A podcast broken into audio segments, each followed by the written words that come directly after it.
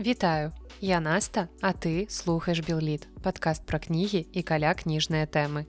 Ну ўсё адгрымелі святкаванні з нагоды юбілейнага сотага выпуску падкасту і як бы не тое, каб я асабліва святкавала, я просто зманціравала яго, выклала і паехала дадому спаць. Таму што ўжо была амаль ноч, манціравала я на працы і цяпер трэба вяртацца ў звычайны рэжым да звычайных выпускаў і сёння ў нас па раскладзе выпуск літ навін. Ён як бы мог выйсці яшчэ на некалькі дзён раней, але калі я напісала сцэнарый, то зразумела, што мне трэба дачакацца абвяшчэння толькі адной навіны. І няхай у нас лід навіны верасня і паводле даты гэтая навіна не трапляе ў вераснёвыя навіны, бо была абвешчана ўсё ж такі 5 кастрычніка некалькі дзён таму. Але праз месяц мне падаецца, гэтая навіна ўжо не будзе такой свежай, Таму я пайшла на гэта невялічкае чыцерства. Я думаю, што вы ўжо здагадаліся пра якую навіну я так завуалявана кажу, але гэта будзе трошкі пазней. Такім чынам у сённяшнім выпуску літнавін вас чакае. Юбілей беларускіх літаратараў, змены ў школьнай праграме, завяршэнне забастоўкі сцэнарыста ў Халівудзе, Венепух, які расказвае пра шкоду вырубкі лясоў, этыка гострайтераў і многае многае іншае. Але пачынаем мы традыцыйна сёлетніх юбіляраў, якіх было даволі шмат і нават у беларускай літаратуры. Менавіта з беларускай мы і пачнём. 8 верасня 1938 года нарадзіўся Анатоль грачанікаў беларускі паэт і перакладчык 85 гадоў споўнілася з дня яго нараджэння і для мяне грачанікаў быў адкрыццём восені два -го года. Не памятаю каб я неяк звяртала увагу на яго творчасць раней ці каб мы праходзілі яго ў школе але ў восень 2020 года да мяне ў руки трапіў яго невялічкі зборнік вершаў які называется палесце кніга выйшла ў 1983 годзе і здаецца больш ніколі не перавыдавалася і да мяне ў руки трапіў акурат вось гэты зборнік сорокагадовай даўніны. І ў цэлым гэта быў тыповы для тых гадоў зборнік з абсалютна тыповымі вершамі якія для мяне асабліва нічым не выдзяляліся. І ў іншы час Мачыма я прачытала гэты зборнік зусім не іншымі вачыма зусім інакш яго паспрыняла. Але вы памятаеце што ішла восень два -го года і два вершы з гэтага зборніка мяне зачапілі просто неверагодна моцна Тады я дзялілася імі ў тэлеграм-канале і гэтыя вершы таксама добра зайшлі маім чытачам. І калі я пачала рыхтаваць сцэнарый да гэтага выпуску, я полезла гугліць юбіляраў месяца, наткнулася на імя грачанікова і ў мяне адразу пачаліся ўсе гэтыя в'етнамскія флэшбэкі з думкамі ў галаве, чортавы гукі, Джоні, яны на дрэвах і гэтак далей. І я зразумела, што не змагу жыць з усімі гэтымі ўспамінамі ў галаве і я вырашыла, што абавязкова трэба падзяліцца гэтымі вершамі таксама з вами, каб і вас унутры скалануліся ўсе гэтыя ўспаміны. Эгаістычна згодная, але мне падаецца, што мы пачынаем забываць. Ну і калі вам падаецца, што нешта з маім голасам не так, то гэта сапраўды так і ёсць у мяне трохі закладзены нос я нічога не магу з гэтым зрабіць. І таму вось такім маім гнусавым голасам сёння вы будетеце слухаць і вершы грачанікава і ўвогуле увесь выпуск гэтага подкаста але мы з вами ўжо на такім узроўні адносінаў што мне падаецца вы можете вытрываць мой голас і ў такім стане. Таму пяройдзем да вершаў грачанікава. Правіцель што не хоча слухаць голас народа між падбрэхічаў сваіх нагадвае пусты на ніве колас каля ўраджайных каласоў цяжкіх. Рызыкуйце, хлопцы, рызыкуйце, перад смерцю гаварыў паэт. Гінучы ўсё адно ратуйце, ад пакуты здзекаў гэты свет. Век канчаюць каля зор арлы. Мышы паміраюць у нары.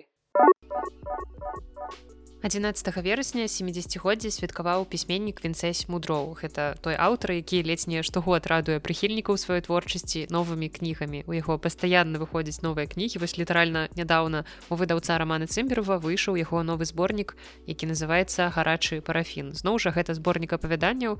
Мне здаецца што раманаў у мудрова і не было бо ўсё што выходзіць апошнія гады гэта выключана зборнікі апавяданняў. І згодна з анатацыяй гэтай новай кнігі у ёй пісьменнік вяртаецца ў недалёкае мінулае спрабуючы правесці раўналежнікі з нашай сучаснасцю. У прынцыпе такімі словамі можна апісаць любы зборнік апавядання вінцэсе мудрова я читаю амаль все што ён піша. Праўда я не паспяваю так аператыўна читаю са спазненнем на пару гадоў. Вось літаральна нядаўна сёлета прачытала яго зборнік 21 -го года які называется замецены след про яго раскажу вам у адным з наступных выпускаў подкаста судзячы па назве гэтай кнігі варта гэта зрабіць недзе бліжэй да зімы ці да першага снегу. Хаця ў прынцыпе ўжо ў гэтай гэтыя выхадныя нам абяцаюць першы снег таму магчыма агляд гэтай кнігі выйдзе хутчэй чым я думаю. Ну і адносіны з творчасцю мудрова у мяне такія даволі заблытаныя. У цэлым мне падабаецца як піша гэты аўтар. Ягоныя творы я заўсёды раю людзям якія хочуць пачытаць штосьці на добрай сакавітай беларускай мове Таму што сапраўды гэта той аўтар які умее пісаць умее прыгожа пісаць. Плюс ён дадае свайго мясцовага каларыту І пасля чытання яго кніг я заўсёды выходжу са спісам новых слоў, якія я вывучыла з ягоных твораў.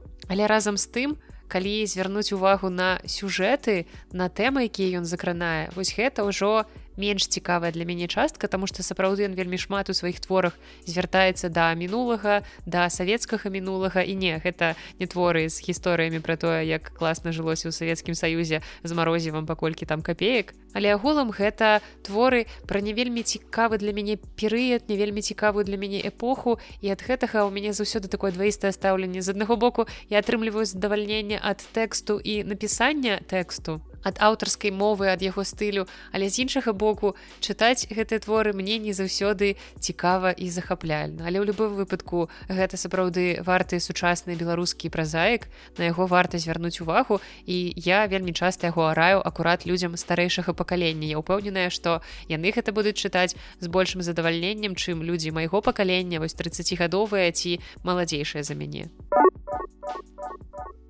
І ад сучасных аўтараў звернемся да юбіляраў класікаў. 13 верасня мы адсвяткавалі 130годдзя з дня нараджэння пісьменніка Андрэя Мрыя. Калі вы слухали 70 выпуск подкаста, то там вы маглі чуць, што я рассказывала пра самы знакаміты ягоны твор гэта запіскі самсона самасуя. І я дагэтуль сутыкаюся з тым, што нават у дарослых назва гэтага твора выклікае нейкія такія незразумелыя смяшкі, а ўявіце, калі школьнікі ўпершыню чуюць назву гэтага твора ў школе, у іх жа проста адбываецца ў галаве выбух мозгу. Ну і у Андрэя Мрыя у самога вельмі трагічная і цікавая біяграфія, што варта было б прысвяціць, як мне падаецца ёй асобны выпуск. Ну і працягваюцца беларускія юбіляры. 20 верасня мы святкавалі 120гадовы юбілей паэткі Наталлі Арсенневай калісьці вельмі даўно мне трапіла ў руки рэпрытнае выданне яе зборніка под сінім небам я яе купила за літаральна рубель ці штосьці калі таго у букінісце на плошчы куба коласа. І аднойчы я нават вазіла гэтую кнігу ў вільню яна ў мяне трошки падарожніца бо гэтую кнігу я фатаграфавала на фоне памятнай шыльды аўтарцы якую можна знайсці на гімназіі дзе яна вучылася. І побач з памятнай шыльдай арсенневай там ёсць памятная шыльда Масіму гарэцкаму які там у гэтай гімназіі выкладаў і акурат быў настаўнікам арсенневай. Прычым ён быў настаўнікам намінальна як у класе гімназіі так і духоўным у жыцці ў паэзіі і ўвогуле лічыў яе вельмі адоранай і таленавітай у дзяцінстве арсеннева вельмі любіла сіні колер. Згадвалі што яна часта малявала сінім алоўкам і таму першую кнігу паэзіі яна назвала пад сінім небам гэты зборнік вершаў вельмі светлы вельмі жыццярадасны у прынцыпе назва пра гэта гаворыць. Кожны верш прасякнуты пэўнай цеплынёй і беларускай паэзіі заўсёды не хапала вось такой жаночай пачуццёвасці бо вершы не павінны быць выключна палымянымі заклікамі не павінны абуджаць да рэвалюцыі яны яшчэ павінны варушыць штосьці унутры нас як мне падаецца. Але далёка не ўсе вершы ў гэтым зборніку такія лірычныя светлыя там хапае такіх нармальных беспрасветных вершаў пра смерць усё што трэба. Ну мне падаецца што з творчасцю арсенневай абавязкова варта пазнаёміцца ўсім хто любіць беларускую паэзію. Але думаю што калі вы хоць раз чулі песню магутны Божа то вы ўжо ў пэўнай ступені знаёмая з творчасцю Наталлі арсенневай таму што магутны Божа гэты беларускі рэлігійны гімн напісаны акурат на яе словы. Магутны Божа, Владар сусвету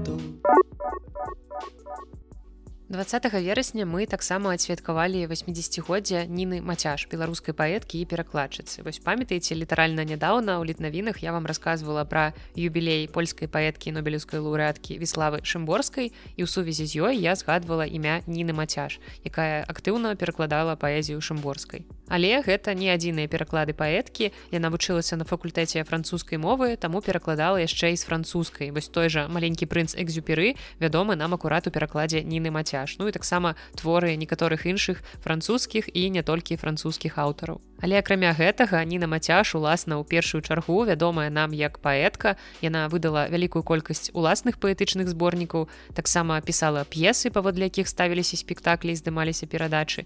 І дарэчы маленькага прынца вось у беларускім перакладзе я яшчэ не чытала. Я калісьці даўно чытала рускі пераклад не магу сказаць што стала фанаткай гэтага твора. Я лічу што маленькі прыц у наш час даволі пераацэнены твор. І цікава колькі сэрцаў я разбіла папярэдняй фразай толькі цяпер падумала што магчыма гэта таксама пэўная трыгерная фраза пасля якой будуць пісаць мне пра разбітае сэрца. Але што паробіш? Магчыма беларускі пераклад мяне ў гэтым пераўпэўніць таму я не губляю шансаў полюбіць гэты твор праз беларускі пераклад. У 25 верасня споўнілася 110 гадоў з дня нараджэння паэта Сергея грахоўскага чалавека з даволі няпростым лёсам. Але ў прынцыпе у каго з беларускіх літаратараў таго часу ён быў просты і першы цікавы факт што грахоўскі нарадзіўся ў вёсцы под назвай нобель. Цяпер гэта ровенская вобласць украіны а тады гэтая вёска знаходзілася ў складзе мінскай губерні. Ну і цяпер вёска знаходзіцца зусім побач з беларускай мяжой. Ну і слова гэтае нобель мы яшчэ сустрэнем у сённяшнім выпуску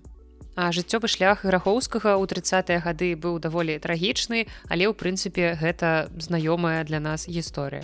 Ён быў арыштаваны, асуджаны як член контррэвалюцыйнай нацыянал-фашысцкай арганізацыі і таксама быў асуджаны за антысавецкую дзейнасць.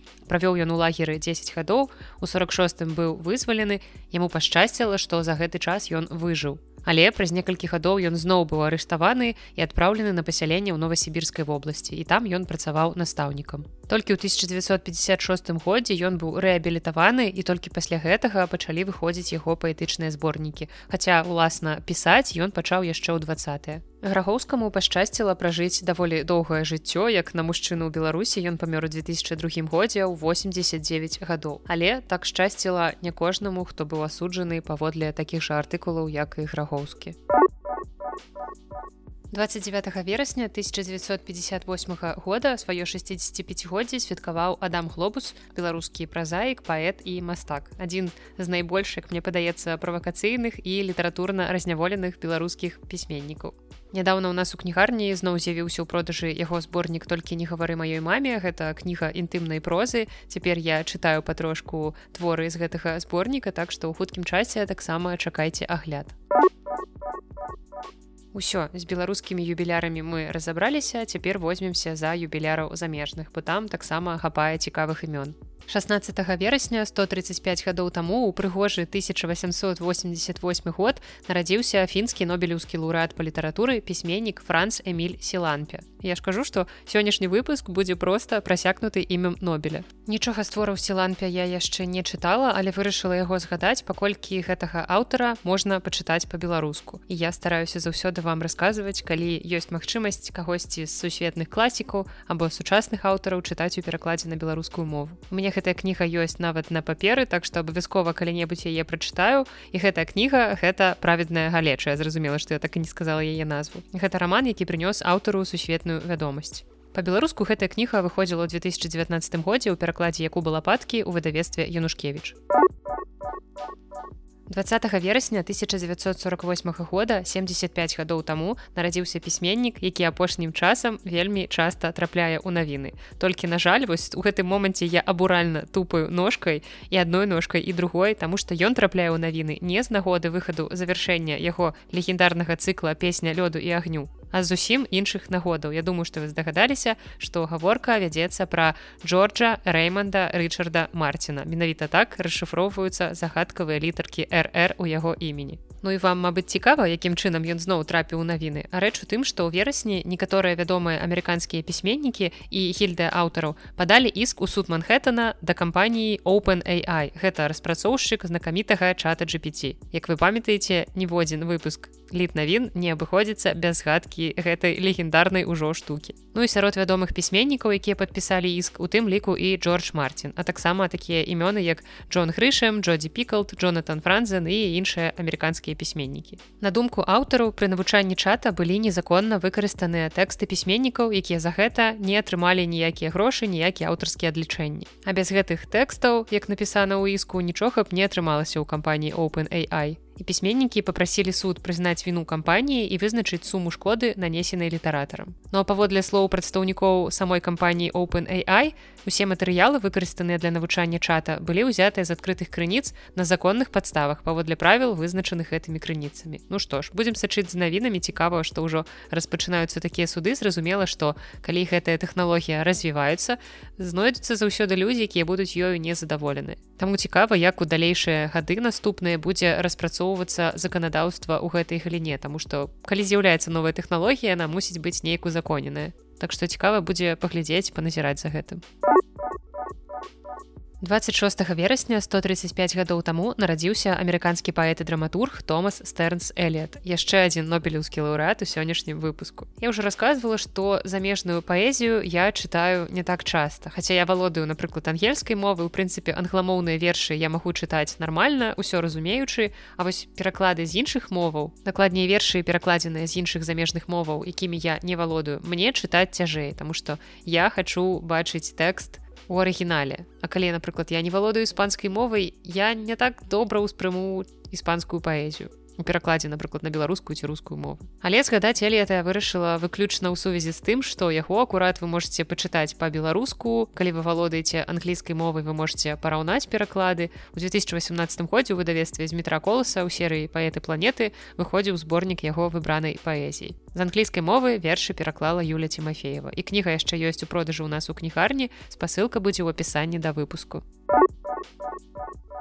27 верасня 1958 года нарадзіўся Ірвін Уэлш, шатландскі пісьменнік. Сёлета споўнілася 65 гадоў гэтаму знакамітаму і вельмі правакацыйнаму аўтару. Вядома ж, не настолькі правакацыйнаму, як адам хлобус, але таксама не адстае. Я чытала даволі шмат кніг гэтага аўтара і, мабыць, моя ўлюбёная гэта кніга Філс.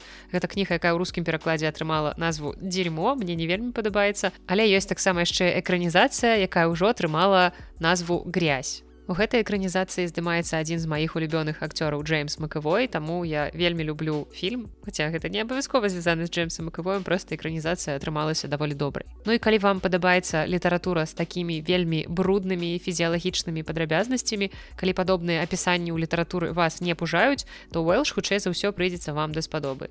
Я дык вось як фанат натуралізму ў класічнай літаратуры вельмі яго люблю. Хаця, канешне, разумею, што параўнанне Уэлша з класікамі натуралістамі недарэчнае, але хто мне забароніць гэта рабіць у маім падкасці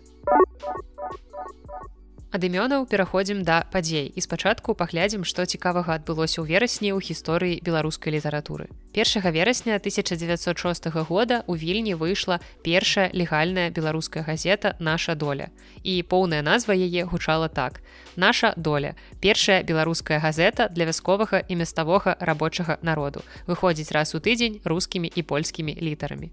Газета выдавалася ў вільні ўсяго выйшла 6 нумароў з якіх чатыры былі канфіскаваныя а сёмы знішчылі ў наборы. І таксама у газеты была такая асаблівасць, што палова яе накладу была надрукаваная кірыліцай, а другая палова лацінкай. І да гэтай памятнай падзеі з гісторыі нашай літаратуры плаўна далучаецца другая, бо ў першым нумары гэтай газеты адбылося першае выступленне ў друку Якуба коласа з вершам наш родны край. І там жа ўпершыню ён падпісаўся гэтым псеўданімам. Так узнік Якуб колас. Я раю вам пачытаць гэты верш, не буду вам тут яго сваім гнусавым голасам зачытваць цалкам, але 117 гадоў прайшло, нічога не мяняецца. Цяпер да гісторыі нядаўняй. Сёмага верасня 2003 года 20 гадоў таму у полацку быў усталяваны помнік у гонар літары ў нескладовае. І да свайго сораму я вам прызнаюся, што аб'ездзіла розныя проста забытыя ўсімі куточкі Беларусі самыя зачуханыя чупырнікі, А вось у полацку я не была ніводнага разу і гэта я зараз не параўнала полацк з зачуханым чупырнікам просто кажу что нават у нейкіх там чупырніках я была а ў такім важным для нашай гісторыі месцы як полацк яшчэ не была. Нават на самай высокай гары будапешта была а ў полацку не была. Сорам? Что яшчэ сказаць? Чысты сорам. Ну, адпаведна помнік гэты ўжывую ніколі не бачыла. Таму калі вы бачылі то раскажыце як ён там ці варта на яго паглядзець А цяпер паглядзім, чым жа адзначыўся верасень у свеце. 9 верасня 1886 года у берне была падпісаная канвенцыя аб ахове літаратурных і мастацкіх твораў. Гэта першае міжнароднае пагадненне ў галіне аўтарскага права. І в адным з папярэдніх выпускаў адказваючы на пытанні слухачоў я вам больш падрабязна рассказывала пра аўтарскае права пра асаблівасці яго аховы ў беларусі і у тым ліку згадвала гэтую бернскую канвенцыю. Так што паўтарацца ўжо не буду 21 верасня 1937 года побачыла свет кніга Джона Толкіна хоббит. У Беларусі рэпрэсіі і расстрэльвалі людзей у аўстралійскім выдавецтве выходзіла гэта аповесць. Заўсёды цікава праводзіць такія гістарычна-літаратурныя паралелей, хаця збольшага яны часта гучаць як нейкая маніпуляцыя хобіт на беларускую мову таксама перакладаўся але афіцыйнага перакладу друкаванага ніколі не выходзіла. І цяпер мы фанаты толкіна жывём у чаканні выхаду валадара пярсцёнку от выдавецтва янушкевич і можа быць там калі-небудзь і хобіта дачакаемся. Бо мне шчыра кажучы вельмі хочацца ёсць такая мара каб мае будучыя дзеці открывалі для сябе свет фантастычнай літаратуры на беларускай мове. І не толькі праз гары потара але таксама і праз хобіта і праз многія іншыя творы каб яны паўтаралі мой уласны шлях толькі я гэта ўсё открывала для сябе па-руску Ну і вось мне хочацца каб у маіх дзяцей гэта адбылося па-беларуску 30 верасня мы адзначалі міжнародны дзень перакладчыка. І я ўжо цяпер кажу мы бо таксама адчуваю пэўную далучанасць да гэтага свята. Цяпер віншую не толькі я але і мяне. Ну ад сябе таксама хачу павіншаваць усіх датычных да гэтай справы. Я хацела тут агучыць імёны ўсіх сваіх любімых беларускіх перакладчыкаў але зразумела што іх даволі шмат. І гэта не можа не радаваць. Таму просто хачу нагадаць слухачам што вельмі важна ведаць хто пераклаў кнігу якую вы чытаеце паколькі гэты чалавек прарабіў зрабіў сапраўды вялізную працу, каб гэтая кніга дайшла да вас у найлепшым выглядзе. А яшчэ ў гэты ж дзень 30 верасня толькі на паўстагоддзе раней у 1472 годзе Яган Гутенберг выдаў у майнцы першую ў Еўропе друкаваную кнігу, гэтак званую біблію Гутенберга або 42радковую біблію. А цяпер мы ў кракаве маем выдавецтва гутенберг якое выдае беларускія кнігі. І таксама у нас яшчэ ёсць выдавецтва з карына Мне падаецца што гэта такое по-добраму чыцерства называць выдавецтвы імёнамі першадрукароў. Вось цікава ці ёсць у венгрыі выдавецтва хес у гонар андраша хеса які 5 чэрвеня 1473 года праз год пасля гутенберга надрукаваў у будзе для караля мацьяша першую венгерскую кнігу под назвай хранікон будэнцы будайская хроніка якая пазней атрымала назву хроніка хунгарорум венгерскі летапіс або хроніка венграў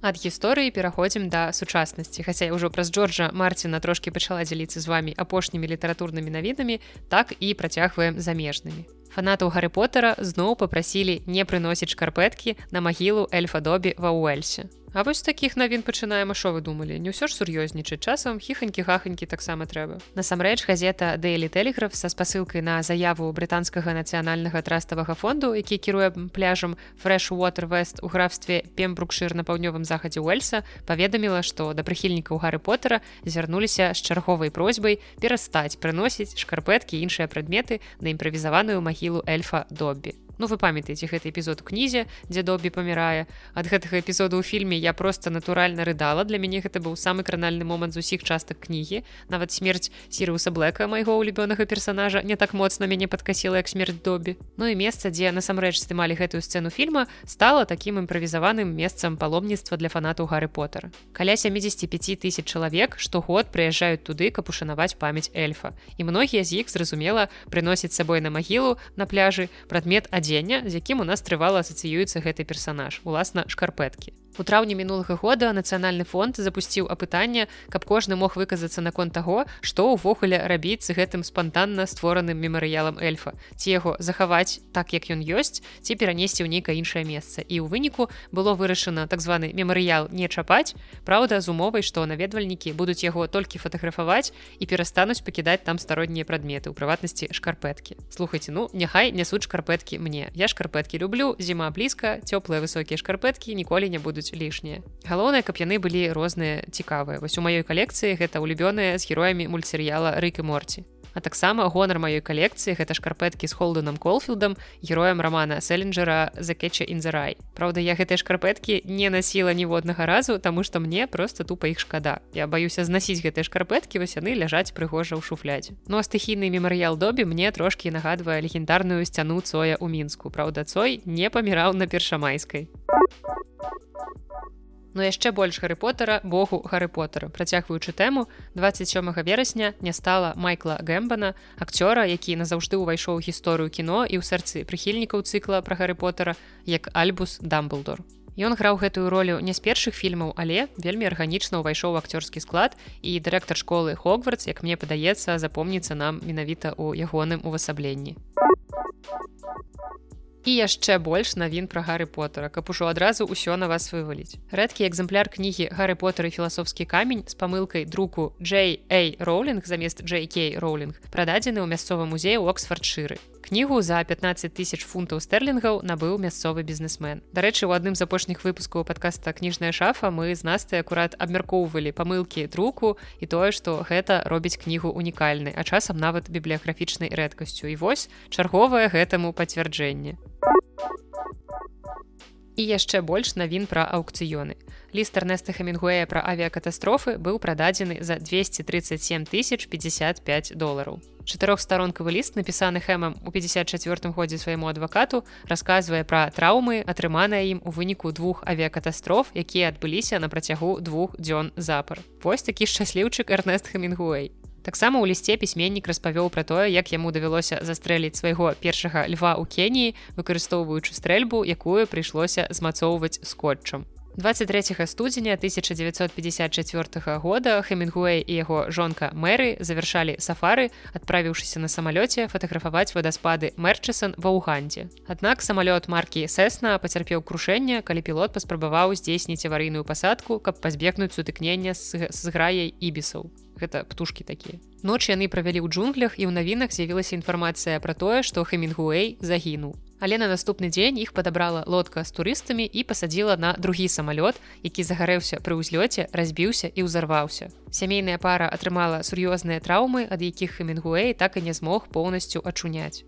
і ў лісце напісаным 17 красавіка 1954 года хемінгуэй паведамляе што ўся бяда ўнутры дзе разарваная правая нырка і пашкоджаная печань і селязёнка. І таксама ён дадае што не мог пісаць лісты з-за правай рукі якая была палена да косткі трэцяй ступені і яе зводзіла сутархай да гэтага часу крыху зводзіць але ўсе апёкі ў парадку. Але пальцы былі абпаленыя і левая рука таксама трэцяй ступені так што я не мог друкаваць. Ну і таксама хемінгуэй напісаў што слабы ад моцнага у унутранага крывацёку і што ён быў добрым хлопчыкам і стараўся адпачываць. А наконт стану сваёй жонкі ён лаканічна паведаміў наступнае у мэры быў моцны шок.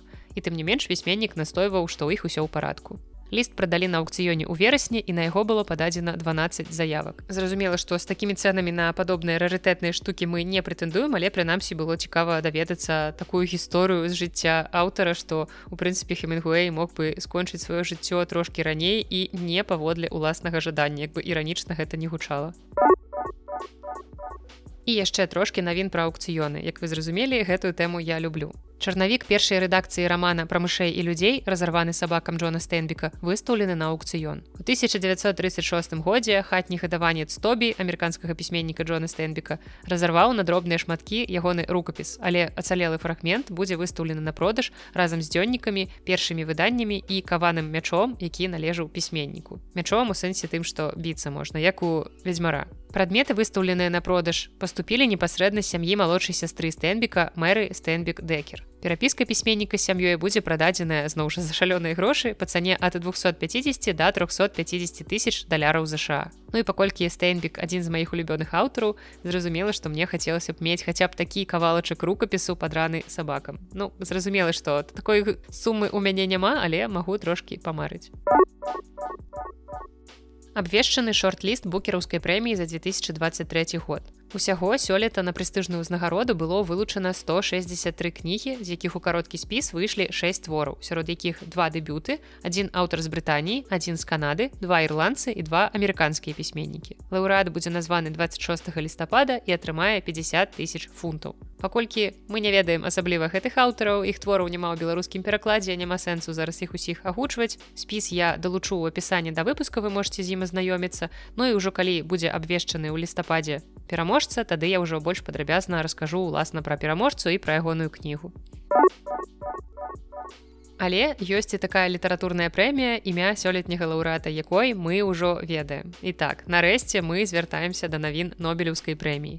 Я не ведаю чаго мы чакаем штогод як свята бо кожны год можна сказаць што гэтая прэмія ўжо калі не расчароўвае нас то нават ніякія струны душы не закранае сёлета атрымаў нобелеўскую прэмію нарвежскі аўтар юн фосе. Ён і празаік і драматург. Прычым як мне падалося з таго што я ўжо паспела пра яго пачытаць менавіта драматургія зрабіла яго вядомым у свеце паколькі ў розных краінах ставіцца спектаклі паводле яго твораў. Але там не менш у яго ёсць некалькі надрукаваных раманаў. Нешта нават можна пачытаць по-беларуску у беларускім перакладзе я знайшла пачатак рамана бессань у перакладзе Яна Масімюка можна пачытаць яго онлайн спасылку я далучу апісанне да выпуску. Але на паперы по-беларуску нічога з гэтага новага нобелеўскага лаўрэата не выходзіла. І гэта ўсё што я магу сказаць наконт гэтага аўтара. Я не думаю што буду чытаць што зараз пабягу знаёміцца з яго творчасцю бо драматургія мяне увогуле на паперы мала цікавіць. Я аддаю перавагу ўжо наведванню непасрэдна тэатра.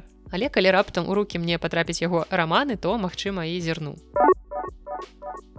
Невядомае апавяданне трумана капота, напісанае алоўкаму нататніку упершыню было апублікаванае ў верасні. Нядаўна знойдзенае апавяданне мае назву Another Day in Paradise яно апавядае гісторыю з нешчаслівага жыцця амерыканкі, якая жыве на вілле ў Сцыліі творчасць трумана капота я люблю ягонае хладнакровнае убійства гэта адна з маіх улюбёных крымінальных кніг ну і таксама немагчыма не згадаць завтраку ціфані Таму гэтае новае знойдзенае апавяданне я таксама абавязкова пачытаю Дэбютны роман амерыканскай актрысы Мілі Бобі Браун аднавіў дыскусію наконт кніг знакамітасцю напісаных гострайтерамі. Зорка аднаго з найпапулярнейшых серыялаў нашага часу Stranger Things і тут нават не спрачайцеся са мной, таму што я ўпэўнены, што гэта адзін з найлепшых серыялаў, які выходзіў у 21 стагоддзі. Дык вось актрыса, якая сыграла ў гэтым серыяле гераіню Eleven Мілі Бобі Браун, яна нядаўна выдала сваю дэбютную кнігу пад назвай 19 steps. Я ўжо падтрымала гэтую кнігу ў руках у кнігарні Будапешта і гэтая кніга была натхнёная перажываннямі бабулі актрысы падчас катастрофы ў метро ў Бэтналгрын у 1943 годзе. Ну як часта гэта бывае, кнігу за актрысу напісала Кейтлін Макгёрл, гострайтер спецыяльна запрошаны пісьменнік. Але на вокладцы кнігі указанае толькі імя Мілі Бобі Браун. Але дзеля справядлівасці актрыса ўсё ж такі ў сваім нстаграме апублікавала фото разам са сваёй гострайтеркай і напісала там нешта накшталт я не змагла б зрабіць гэта без цябе Ну і тут адразу пачаліся сваркі спрэчкі наконт таго што імя Кейтлін таксама варта было б указаць на вокладцы калі яна мае дачыненне да напісання гэтай кнігі. Пачалі згадваць таксама іншых знакамітасцяў якія карысталіся паслугамі гострайтераў напрыклад з апошняга папулярная кніга біяграфія прынца гары ці там была нават аўтабіяграфія крысе яе таксама дапамагала дапамагаў пісаць гострайтер імя якога не згаданыя таксама на кнізе Ну і кніга мне здаецца прадавалася так сабе яе таксама бачыла на паліцах усіх кнігарняў будапешце і па-англійску і па-венгерску але мне падаецца што мала хто яе купляў Ну і калі вас цікавіць маё меркаванне то увогуле супраць гострайтеру я нічога не маю На тое яны ў прынцыпе і гострайтеры, каб не згадвацца на вокладцы, бо інакш яны былі проста райтерамі. Але насамрэч ёсць розніца. Калі спецыяльна навучаныя людзі дапамагаюць знакамітасцям пісаць іх аўтабіяграфіі, то гэта адна справа. Бо людзям сапраўды цікава даведацца падрабязнасці з жыцця іх улюбёных зорак. Але не ўсе музыкі ці, напрыклад, спартоўцы, акцёры, не ўсе яны маюць нейкі літаратурны ці прамоўніцкі талент. І ў такім выпадку я цалкам за дапамогу чалавека, які насамрэч умее пісаць. Але ў той сітуацыі калі нейкая зорка ўсё ж таки вырашае звярнуцца да мастацкай літаратуры то які сэнс тут карыстацца паслугамі гострайтера бо калі ў цябе ўсё настолькі дрэнна што паслуг звычайнага рэдактара не хопіць то навошта ўвогуле тады брацца за напісанне мастацкага твора? Які сэнс? Або тады наймай суаўтара імя якога таксама будзе пазначанае на вокладцы. Ну, такое маё меркаванне. А што наконт гэтага думаеце вы? Подзяліцеся калі ласка сваімі думкамі ў каментарях Кампанія па вытворчасці туалетнай паперы выкарыстоўвае вінні-пуха для прыцягнення ўвагі да праблемы вырубкі лясоў. Я ж кажу толькі сур'ёзныя навіны ў гэтым выпуску. Кніга Вінні-пух The Deforested Edition гэта пераасэнсаванне класічнага твора, створаная кампаніяй па вытворчасці туалетнай паперы Who gives the crap. і ў гэтым творы сапраўды адсутнічаюць такія прывычныя для арыгінальнай кнігі дрэвы то бок у кнізе падзеі адбываюцца не ў лесе як мы прывыклі і героі не жывуць на дрэвах тому что дрэваў папросту там няма і гэтая кніга з'яўляецца своеасаблівым піярам кампаніі і выкладзену бясплатны доступ на іх сайце таксама была папяровая версія але яе хутка раскупілі і як я уже сказала мэта акцыі прыцягнуць увагу да праблемы вырубкі лясоў і сама кампанія ганарыцца што іхняя туалетная папера створаная са стапрацэнтнай перапрацаванай паперы ці з бамбуку І рэч у тым, што кніга Алана Мілна пра венепуха ўжо ўвайшла ў грамадскі набытак некалькі гадоў таму, паколькі скончыўся тэрмін дзеяння правоў на яе. Так што цяпер магчымыя любыя, нават самыя спрэчныя пераасэнсаванні класікі. Нарэшце падышла да лагічнага і паспяховага завяршэння забастоўка халівудскіх сцэнарыстаў, якая агулам працягвалася 146 дзён з 2 мая. 27 верасня гільдыя сцэнарыстаў абвясціла пра завяршэнне забастоўкі. І гэтаму папярэднічалі перамовы топ-менеджераў кінакампаній з сябрамі гільдыі сцэнарыстаў.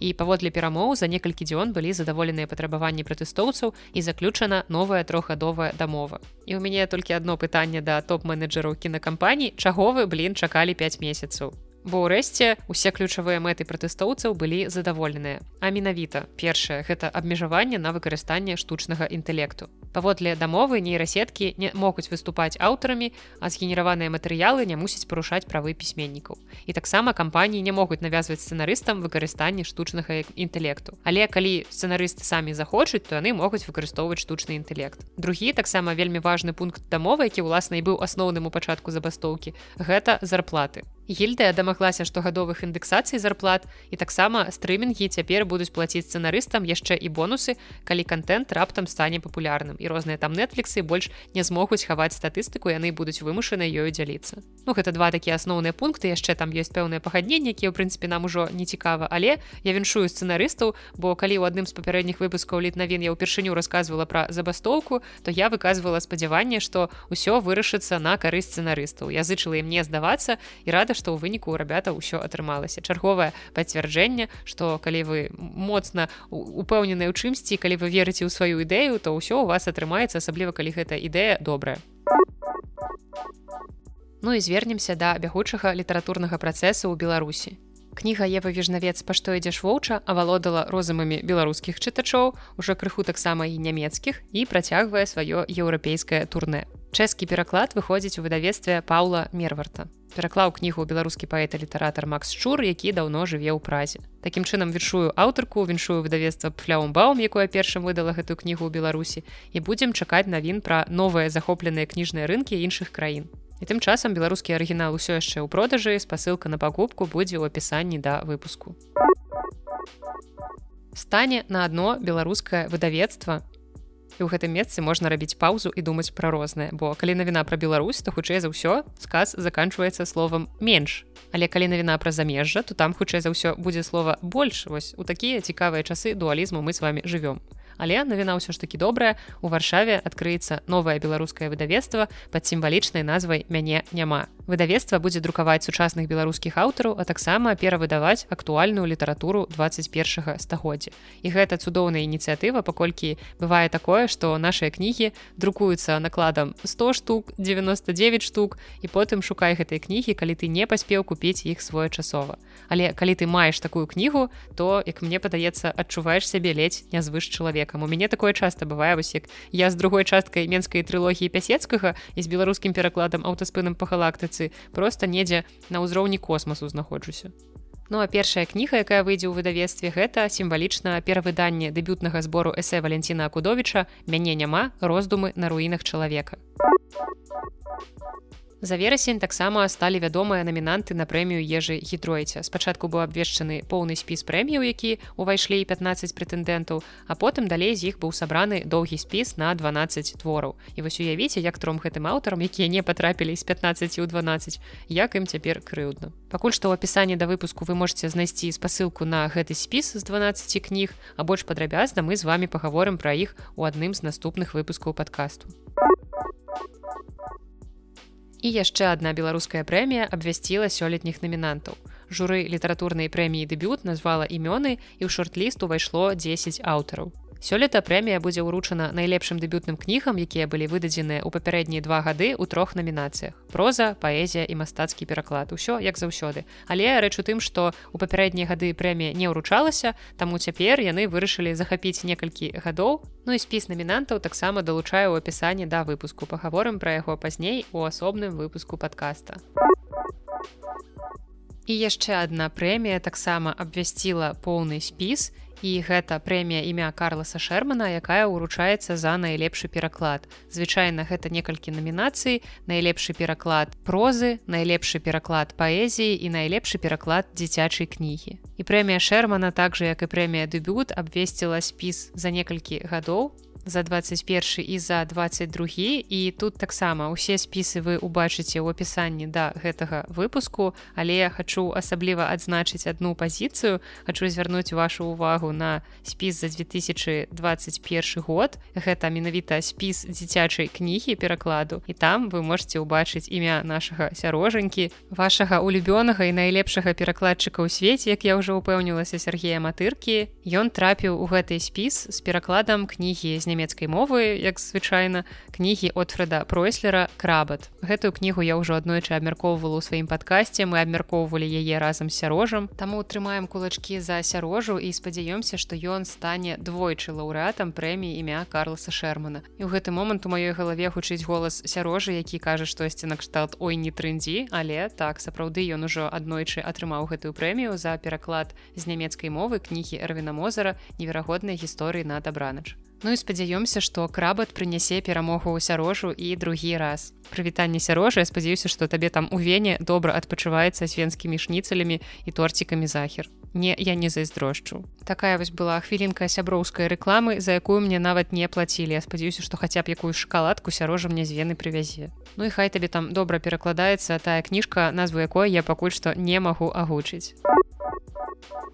Цяпер пераходзім да навін сумных, але не зусім сумных роман каласы пад сярпом тваім владимира караткевича выключылі са школьнай праграмы. І калі толькі гэтая навіна з'явілася ў сМ то людзі пачалі пісаць такія каментарыі што магло ўзнікнуць уражанне нібыта гэтую кніху прызналі экстрэмісткай. Настолькі ўсё было трагічна ў гэтых паведамленнях. Але каму ан рабяты нічога страшнага не адбылося. Пашкадуйце школьнікаў. Агулам адмоўную матывацыю для таго каб прыбраць гэты твор са школьнай праграмы я магу зразумець каб ён не закладваў шкодныя дэструктыўныя думкі ў галовы школьнікаў Але калі паглядзець на сітуацыю з іншага боку ну блин гэта ж нормально што школьнікам не давядзецца так рана чытаць такую таміну якую яны ўсё роўна хутчэй за ўсё не зразумеюць. Няхай свядома нармальна паступова прыйдуць да гэтай кнігі ў больш сталым узросце. У школе няхай чытаюць чорны замак альшанскі які там застаўся ў праграме. Ну калі б яны яшчэ дзікае паляванне дадалі было б зусім цудоўна але агулам ніякай катастрофы ў гэтым я не бачу. Няхай мяне закідаюць тапкамі там не ведаючы чым яшчэ. Бо мы ж усе за тое каб вайну і мір выключылі са школьнай праграмы. Канешне гэта было прыгожа калі б вось разам з каласамі выключылі б яшчэ і вайну і мір. Маўля мы думаем пра школьнікаў не трэба ім такое яшчэ чытаць рана і ўсё такое. Ну але пакуль вайна і мір у школьнай праграме то так пагаджуся ўсё ж такі што знікненне каласоў адчуваецца такой пэўнай трагедыяй А цяпер да навін вясёлых. Бо ведаеце што чытаць літаратурныя навіны ў беларусі гэта ты яшчэ эмацыянальнай арэлі. Але наступная навіна хутчэй з рубрыкі назву якой мне дапаможа агучыць гурт разбітае сэрца пацана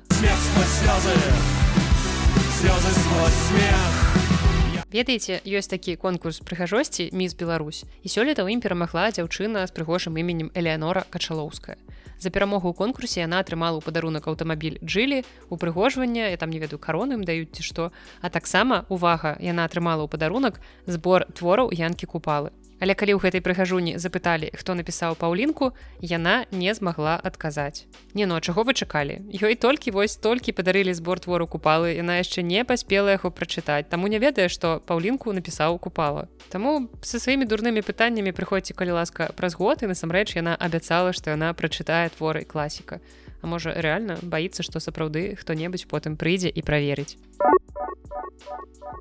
Яшчэ адна не самая вясёлая навіна Ну ну а што вы думалі вось тыя самыя эмацыянальныя арэлі і ў прынцыпе ў беларусі добрых навін звязаных з кнігамі становіцца ўсё менш. Міністэрства культуры выкаціла статыстыку нам згодна з якой у 2022 годзе нарэшце які там зараз сёмага кастрычніка нарэшце яны ўсё падлічылі і агулам у мінулым годзе было надрукавана 8586 найменняў кніг і брашур агульным накладам 20 цэлых 13 сотых мільёна асобнікаў. Атрымліваецца што гэта 2,2 десятые кнігі на аднаго жыхара.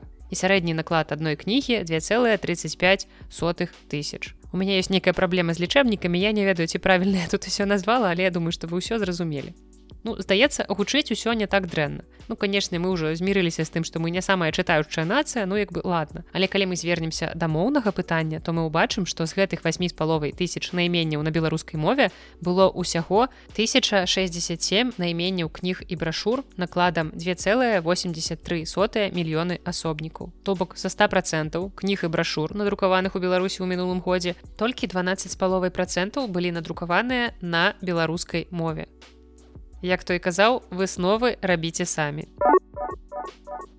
І вось цікава гэта будзе іранічна сатырычна просто гумарыстычна ці абсурдна ці бяздушна з майго боку. Калі я пасля папярэдняй навіны перайду да навінак беларускага кнігадруку і раскажу вам пра тыя кніжкі якія з'явіліся ў верасні у беларусі і за яе межамі па-беларуску.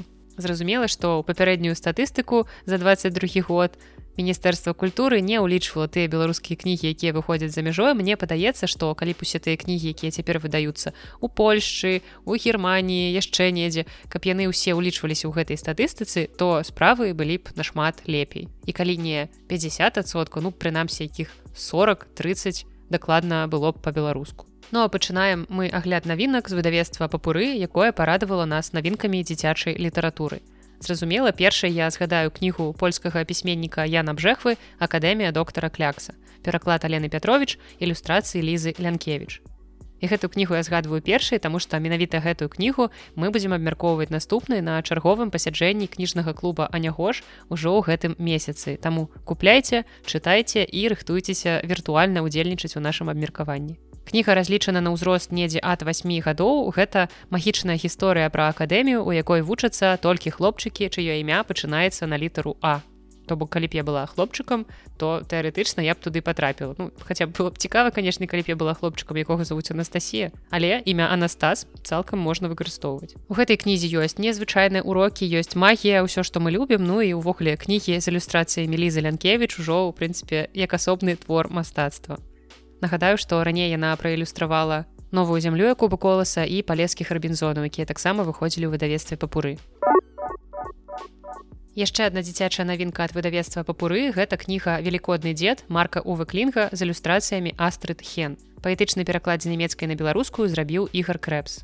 Дарэчы, не так даўно я рассказывала вам пра кнігу марка увы клінга, якая называецца кволіці ленд гэта быў фантастычны выпуск подкаста і гэта была дарослая фантастычная кніжка.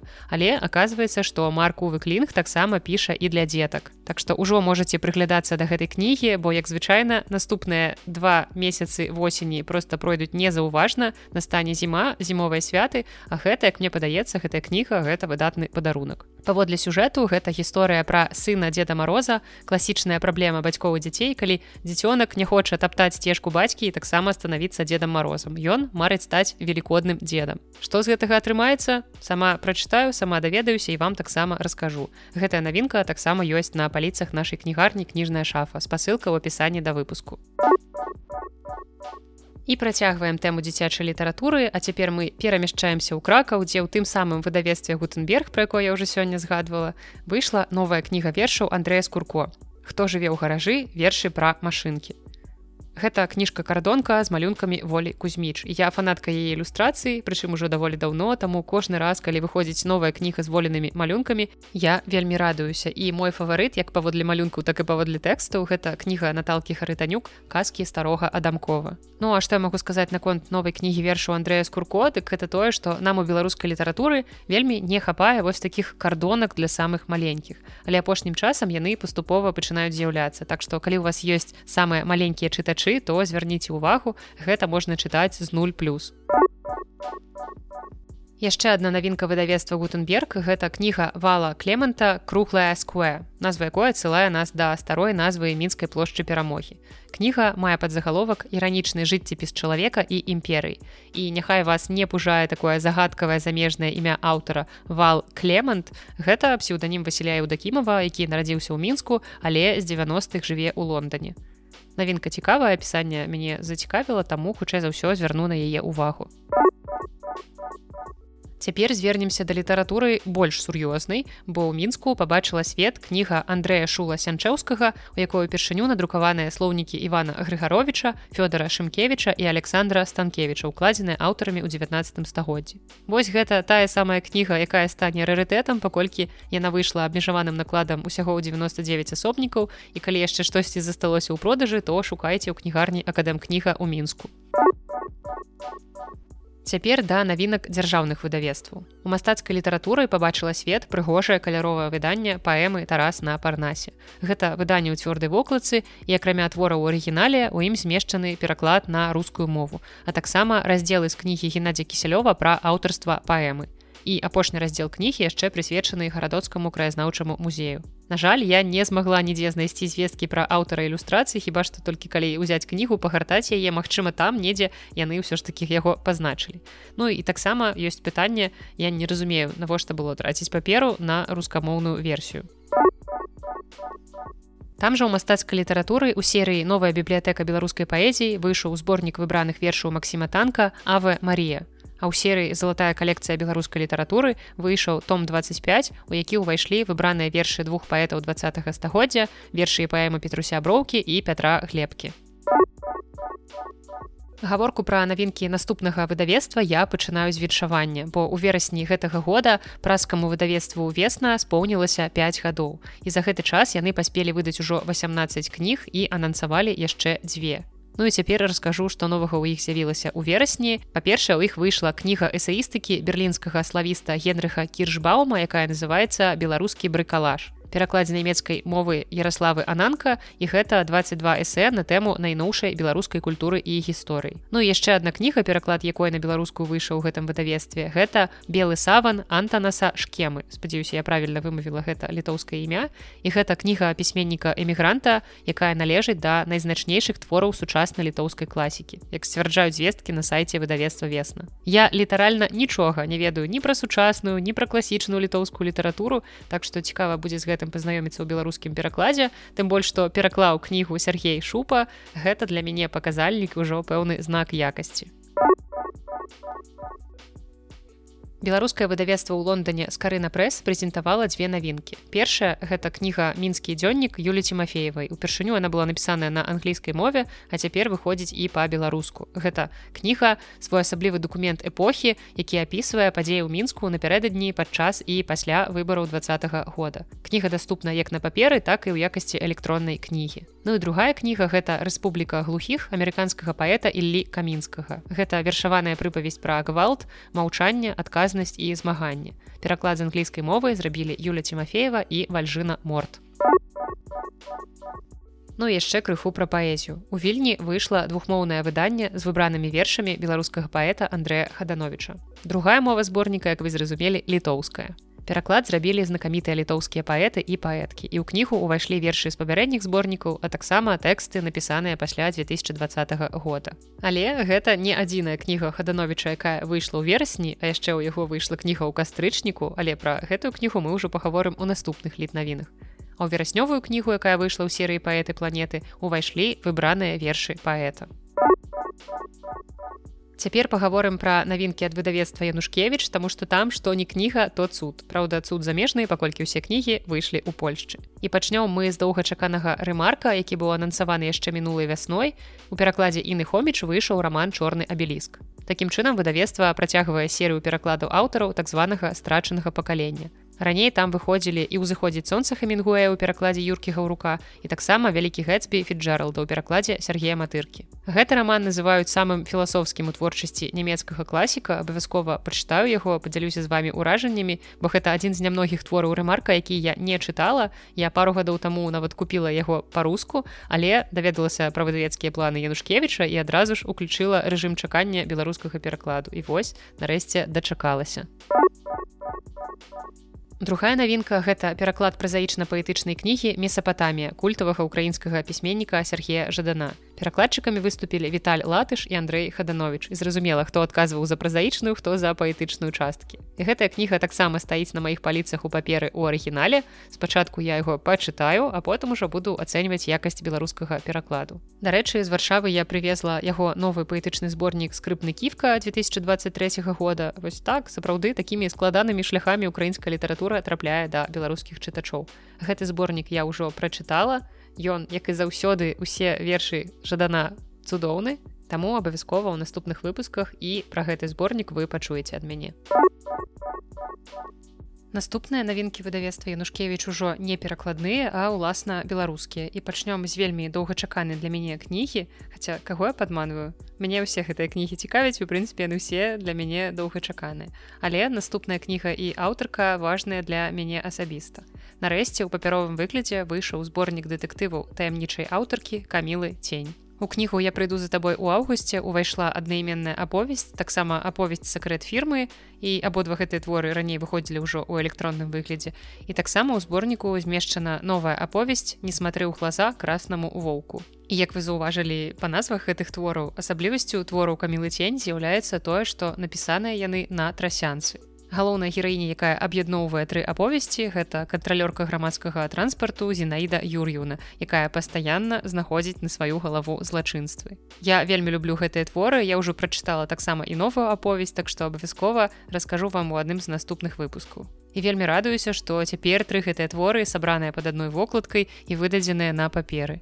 І чаму ж я сказала, што аўтарка важная асабіста для мяне. Рэч у тым, што ніхто не ведае, хто хаваецца пад гэтым іменем і знайшліся людзі якія пасля выхаду дзвюх першых яе аповесцяў пачалі думаць што іх аўтарка гэта я. Я не ведаю як это ўвогуле магло прыйсці людзям у галаву і просто сапраўды адразу пасля выхаду я прачытала гэтыя творы я дзялілася сваімі станоўчымі водгукамі і на гэтым усё.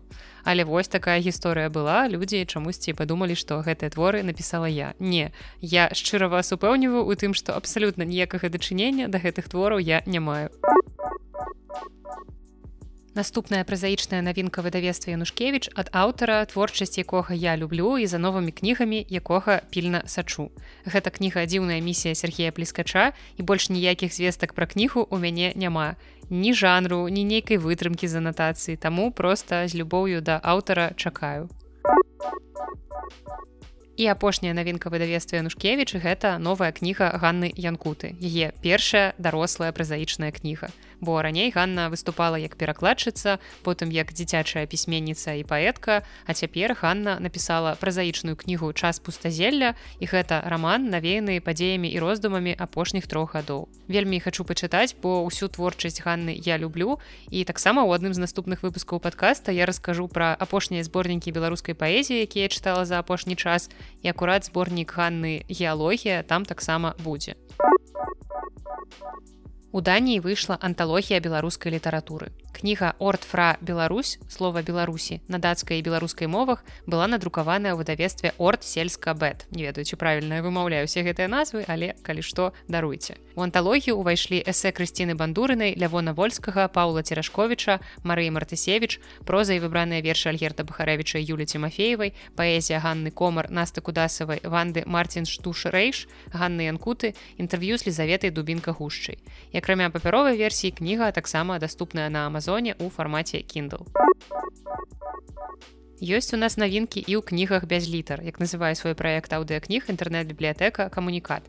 Апублікавана трэцяя кніга серыі галасы утопіі Святланы Алексеевич. Гэта цынкавыя хлопчыкі. На беларускую мову кнігу пераклаў Андрей Хаданович. Агучыў твор наступны акцёрскі склад. Гэта Крысціна Дробіш, Алена Баярова, Сергей Чуб і Олег Гарбус. Усе знаёмыя нам па агутцы імёны і цынкавыя хлопчыкі гэта мабыць моя улюбёная кніга Святланы алексеевич пры ўсё любові да чарнобыльскай малітвы але цынкавыя хлопчыкі калісьці ударылі па мне найбольш моцна. Таму думаю што калі аднойчы наважуся гэтую кнігу перачытаць то хутчэй за ўсё я лепш пераслухаю то бок паслухаю упершыню. Гэта будзе менавіта аўдыа версія каб проста сваімі слязьмі не заліваць старонкі кнігі ці мой кіндл Ну і раз ужо ўвяла такую традыцыю расказваць вам і пра аўдыакнігі, зраблю гэта цэлай асобнай рубрыкай. Такім чынам цяпер буду дзяліцца з вамі і тымі аўдыакнігамі, якія з'явіліся за гэты месяц у нашай гукавой прасторы. Пачнём з навінак праекта беларуская літаратура, які займаецца агучкай класічных твораў беларускай літаратуры. Нават калі ўдакладніць, можна сказаць, што гэта школьныя творы, то бок кнігі, якія праходзяць у школьнай праграме і агучылі яны кнігу мехася стральцова сена на асфальце якую я ўжо разглядала ў 46 выпуску у межах свайго цыкла сёлета 23 хвіліны майго падкаста былі прысвечаныя гэтаму твору. Ну і цяпер гэты твор вы можете паслухаць у фармаце аўдыа яшчэ адзін твор які каманда праекта беларуская літаратура агучыла ў верасні гэта паэма янкі купалы. Курган Увогуле мне падаецца, што паэмы акурат выдатна слухаць у чыёйсці агутцы, у чыімсьці выкананні. Мне падаецца, што гэта нават у пэўнай ступені будзе штосьці медытатыўнае, асабліва памятаючы змест твора янкі купалы курган, які я чытала калісьці ва ўніверсітэце. Я думаю, што варта было б мне гэты твор пераслухаць у такім фармаце ў аўдыа таксама навінкамі аўдыакніг нас парадаваў камунікат. У іх выйшла кніга падарожжа на край ложка Сергея календы. Агучыла кнігу кацярына ваданосава. Гэта цудоўны твор своеасаблівая споведь пісьменніка вельмі аўтабіяграфічны твор які ў прынцыпе добра чытаецца і слухаецца. Нават калі вы нічога не ведаеце пра Сергея календу і не чыталі яго ранейшых кніг У мяне ёсць гэтая кніга на паперы я чытала яе з вялікай асалодай калі можна так сказаць пра гэтую кнігу бо яна даволі няпростая бо там закранаюцца даволі цяжкія тэмы. Гэта тэма смерці тэма перажывання страты і мне падаецца што такую кнігу таксама будзе даволі цікава пераслухаць яшчэ і ў фармаце аўдыо і ўвогуле дзякуй усім нашим праектам якія агучваюць кнігі. Дзякуй ім за тое што ў мяне з'яўляецца магчымасць перачытаць дакладней пераслухаць тое што я калісьці ўжо даўно слухала любіла але ўжо забыла за гэты час. Так у мяне з'яўляецца матывацыя неяк зноў знаёміцца з гэтымі творамі открываць іх для сябе наноў напрыклад так было з творам артура клінова локісу які я калісьці чытала калі ён толькі выйшаў але пераслухаўшы я адкрыла гэты твор для сябе па-новаму і нават вышэй яго ацаніла. І за гэта велізарная падзяка яшчэ і Віктору сямашку. Ягоная агучка была просто легендарнай. І гэта адзначаю не толькі я таксама яшчэ одна навінка ад камуніката ў іх цудоўным праекце кнігі без літар гэта твор Сергея дубаўца сіні карабель у блакітным моры плыве кнігу агучыў зміцер бартосік і гэтую кнігу я чытала даволі даўно і я памятаю што ці то нічога я не памятаю з яе ці то я нічога з яе не зразумела. Карацей была даволі цяжкая для ўспрымання кніга але калі вам цікава можете або паслухаць аўдыо версію або у нас у кніжнай шафе ў продажы ёсць папяровая версія. Можа быть вам захочацца паглядзець што ж я там не зразумела ў гэтым творы. Але вось гэта той акурат твор які перачытваць і пераслухоўваць я наўрад ці буду бо успаміны пра гэты твор нават нейкія такія цьмяныя і невыразныя не натхняюць мяне на перачытванне ці пераслухоў абслугоўванні. Ну а дзякуючы праекту аўдіобукс бай у нас з'явілася аўдыакніга Людмілы рублеўскай гульня ў альбару тэнію агучыла яе сняжана дыяментава. І гэта даволі цікавы твор які я чытала даўно які я таксама хачу пераслухаць. Гэта такі гістарычна дэтэктыўна прыгодніцкі твор які як заўсёды ў творах людмілы рублеўскай паміж сабой з'ядноўвае мінулая сучаснасць штосьці гістарычнае штосьці сучаснае як все гэта паміж сабой звязана. І раз уже гэтую кнігу я чытала у папяровым выглядзе то цяпер можна яе паслухаць у аўдыо буду карацей успрымаць беларускую літаратуру у розных фарматах дзякуючы ўсім нашим гэтым праектам агучкі не стамлюся казаць ім дзякуй бо я безмежна шчаслівая таму што наши аўдыакнігі развіваюцца і настолькі моцна развіваюцца ў апошнія гады я уже казала гэта вам у папярэднім юбілейным выпуску что гэта вельмі як мне падаецца недаацэнены ў нас фармат Але я бачу, што ёсць людзі, якія сапраўды разумеюць яго каштоўнасць і робяць усё магчымае для таго, каб яго развіваць. Таму вам моя велізарная падзяка. Ну і яшчэ адзін твор, які я не ведаю, ці буду пераслухоўваць, мне перачытваць яго было балюча, але твор Васіля быкова знак бяды ў агутцы віталя краўчынкі з'явіўся ў фармаце аўдыа, дзякуючы праекту аўдіобуксбай.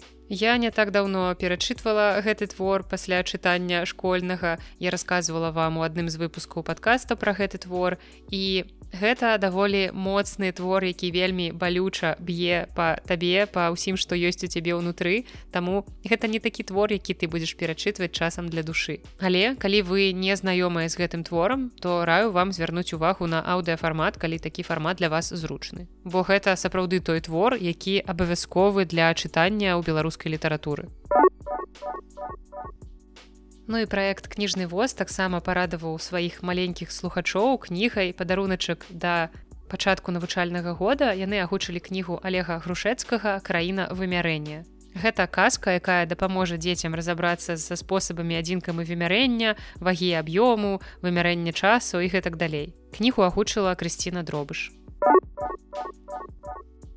яшчэ одна дзіцяча-падлеткавая навінка кніжнага возу. Яны агучылі кнігу хронікі нарніі прынц каспіян клайва льюіса якая выходзіла на паперы ў выдавецтве кніжны рысь кнігу пераклаў Андрей строцаў.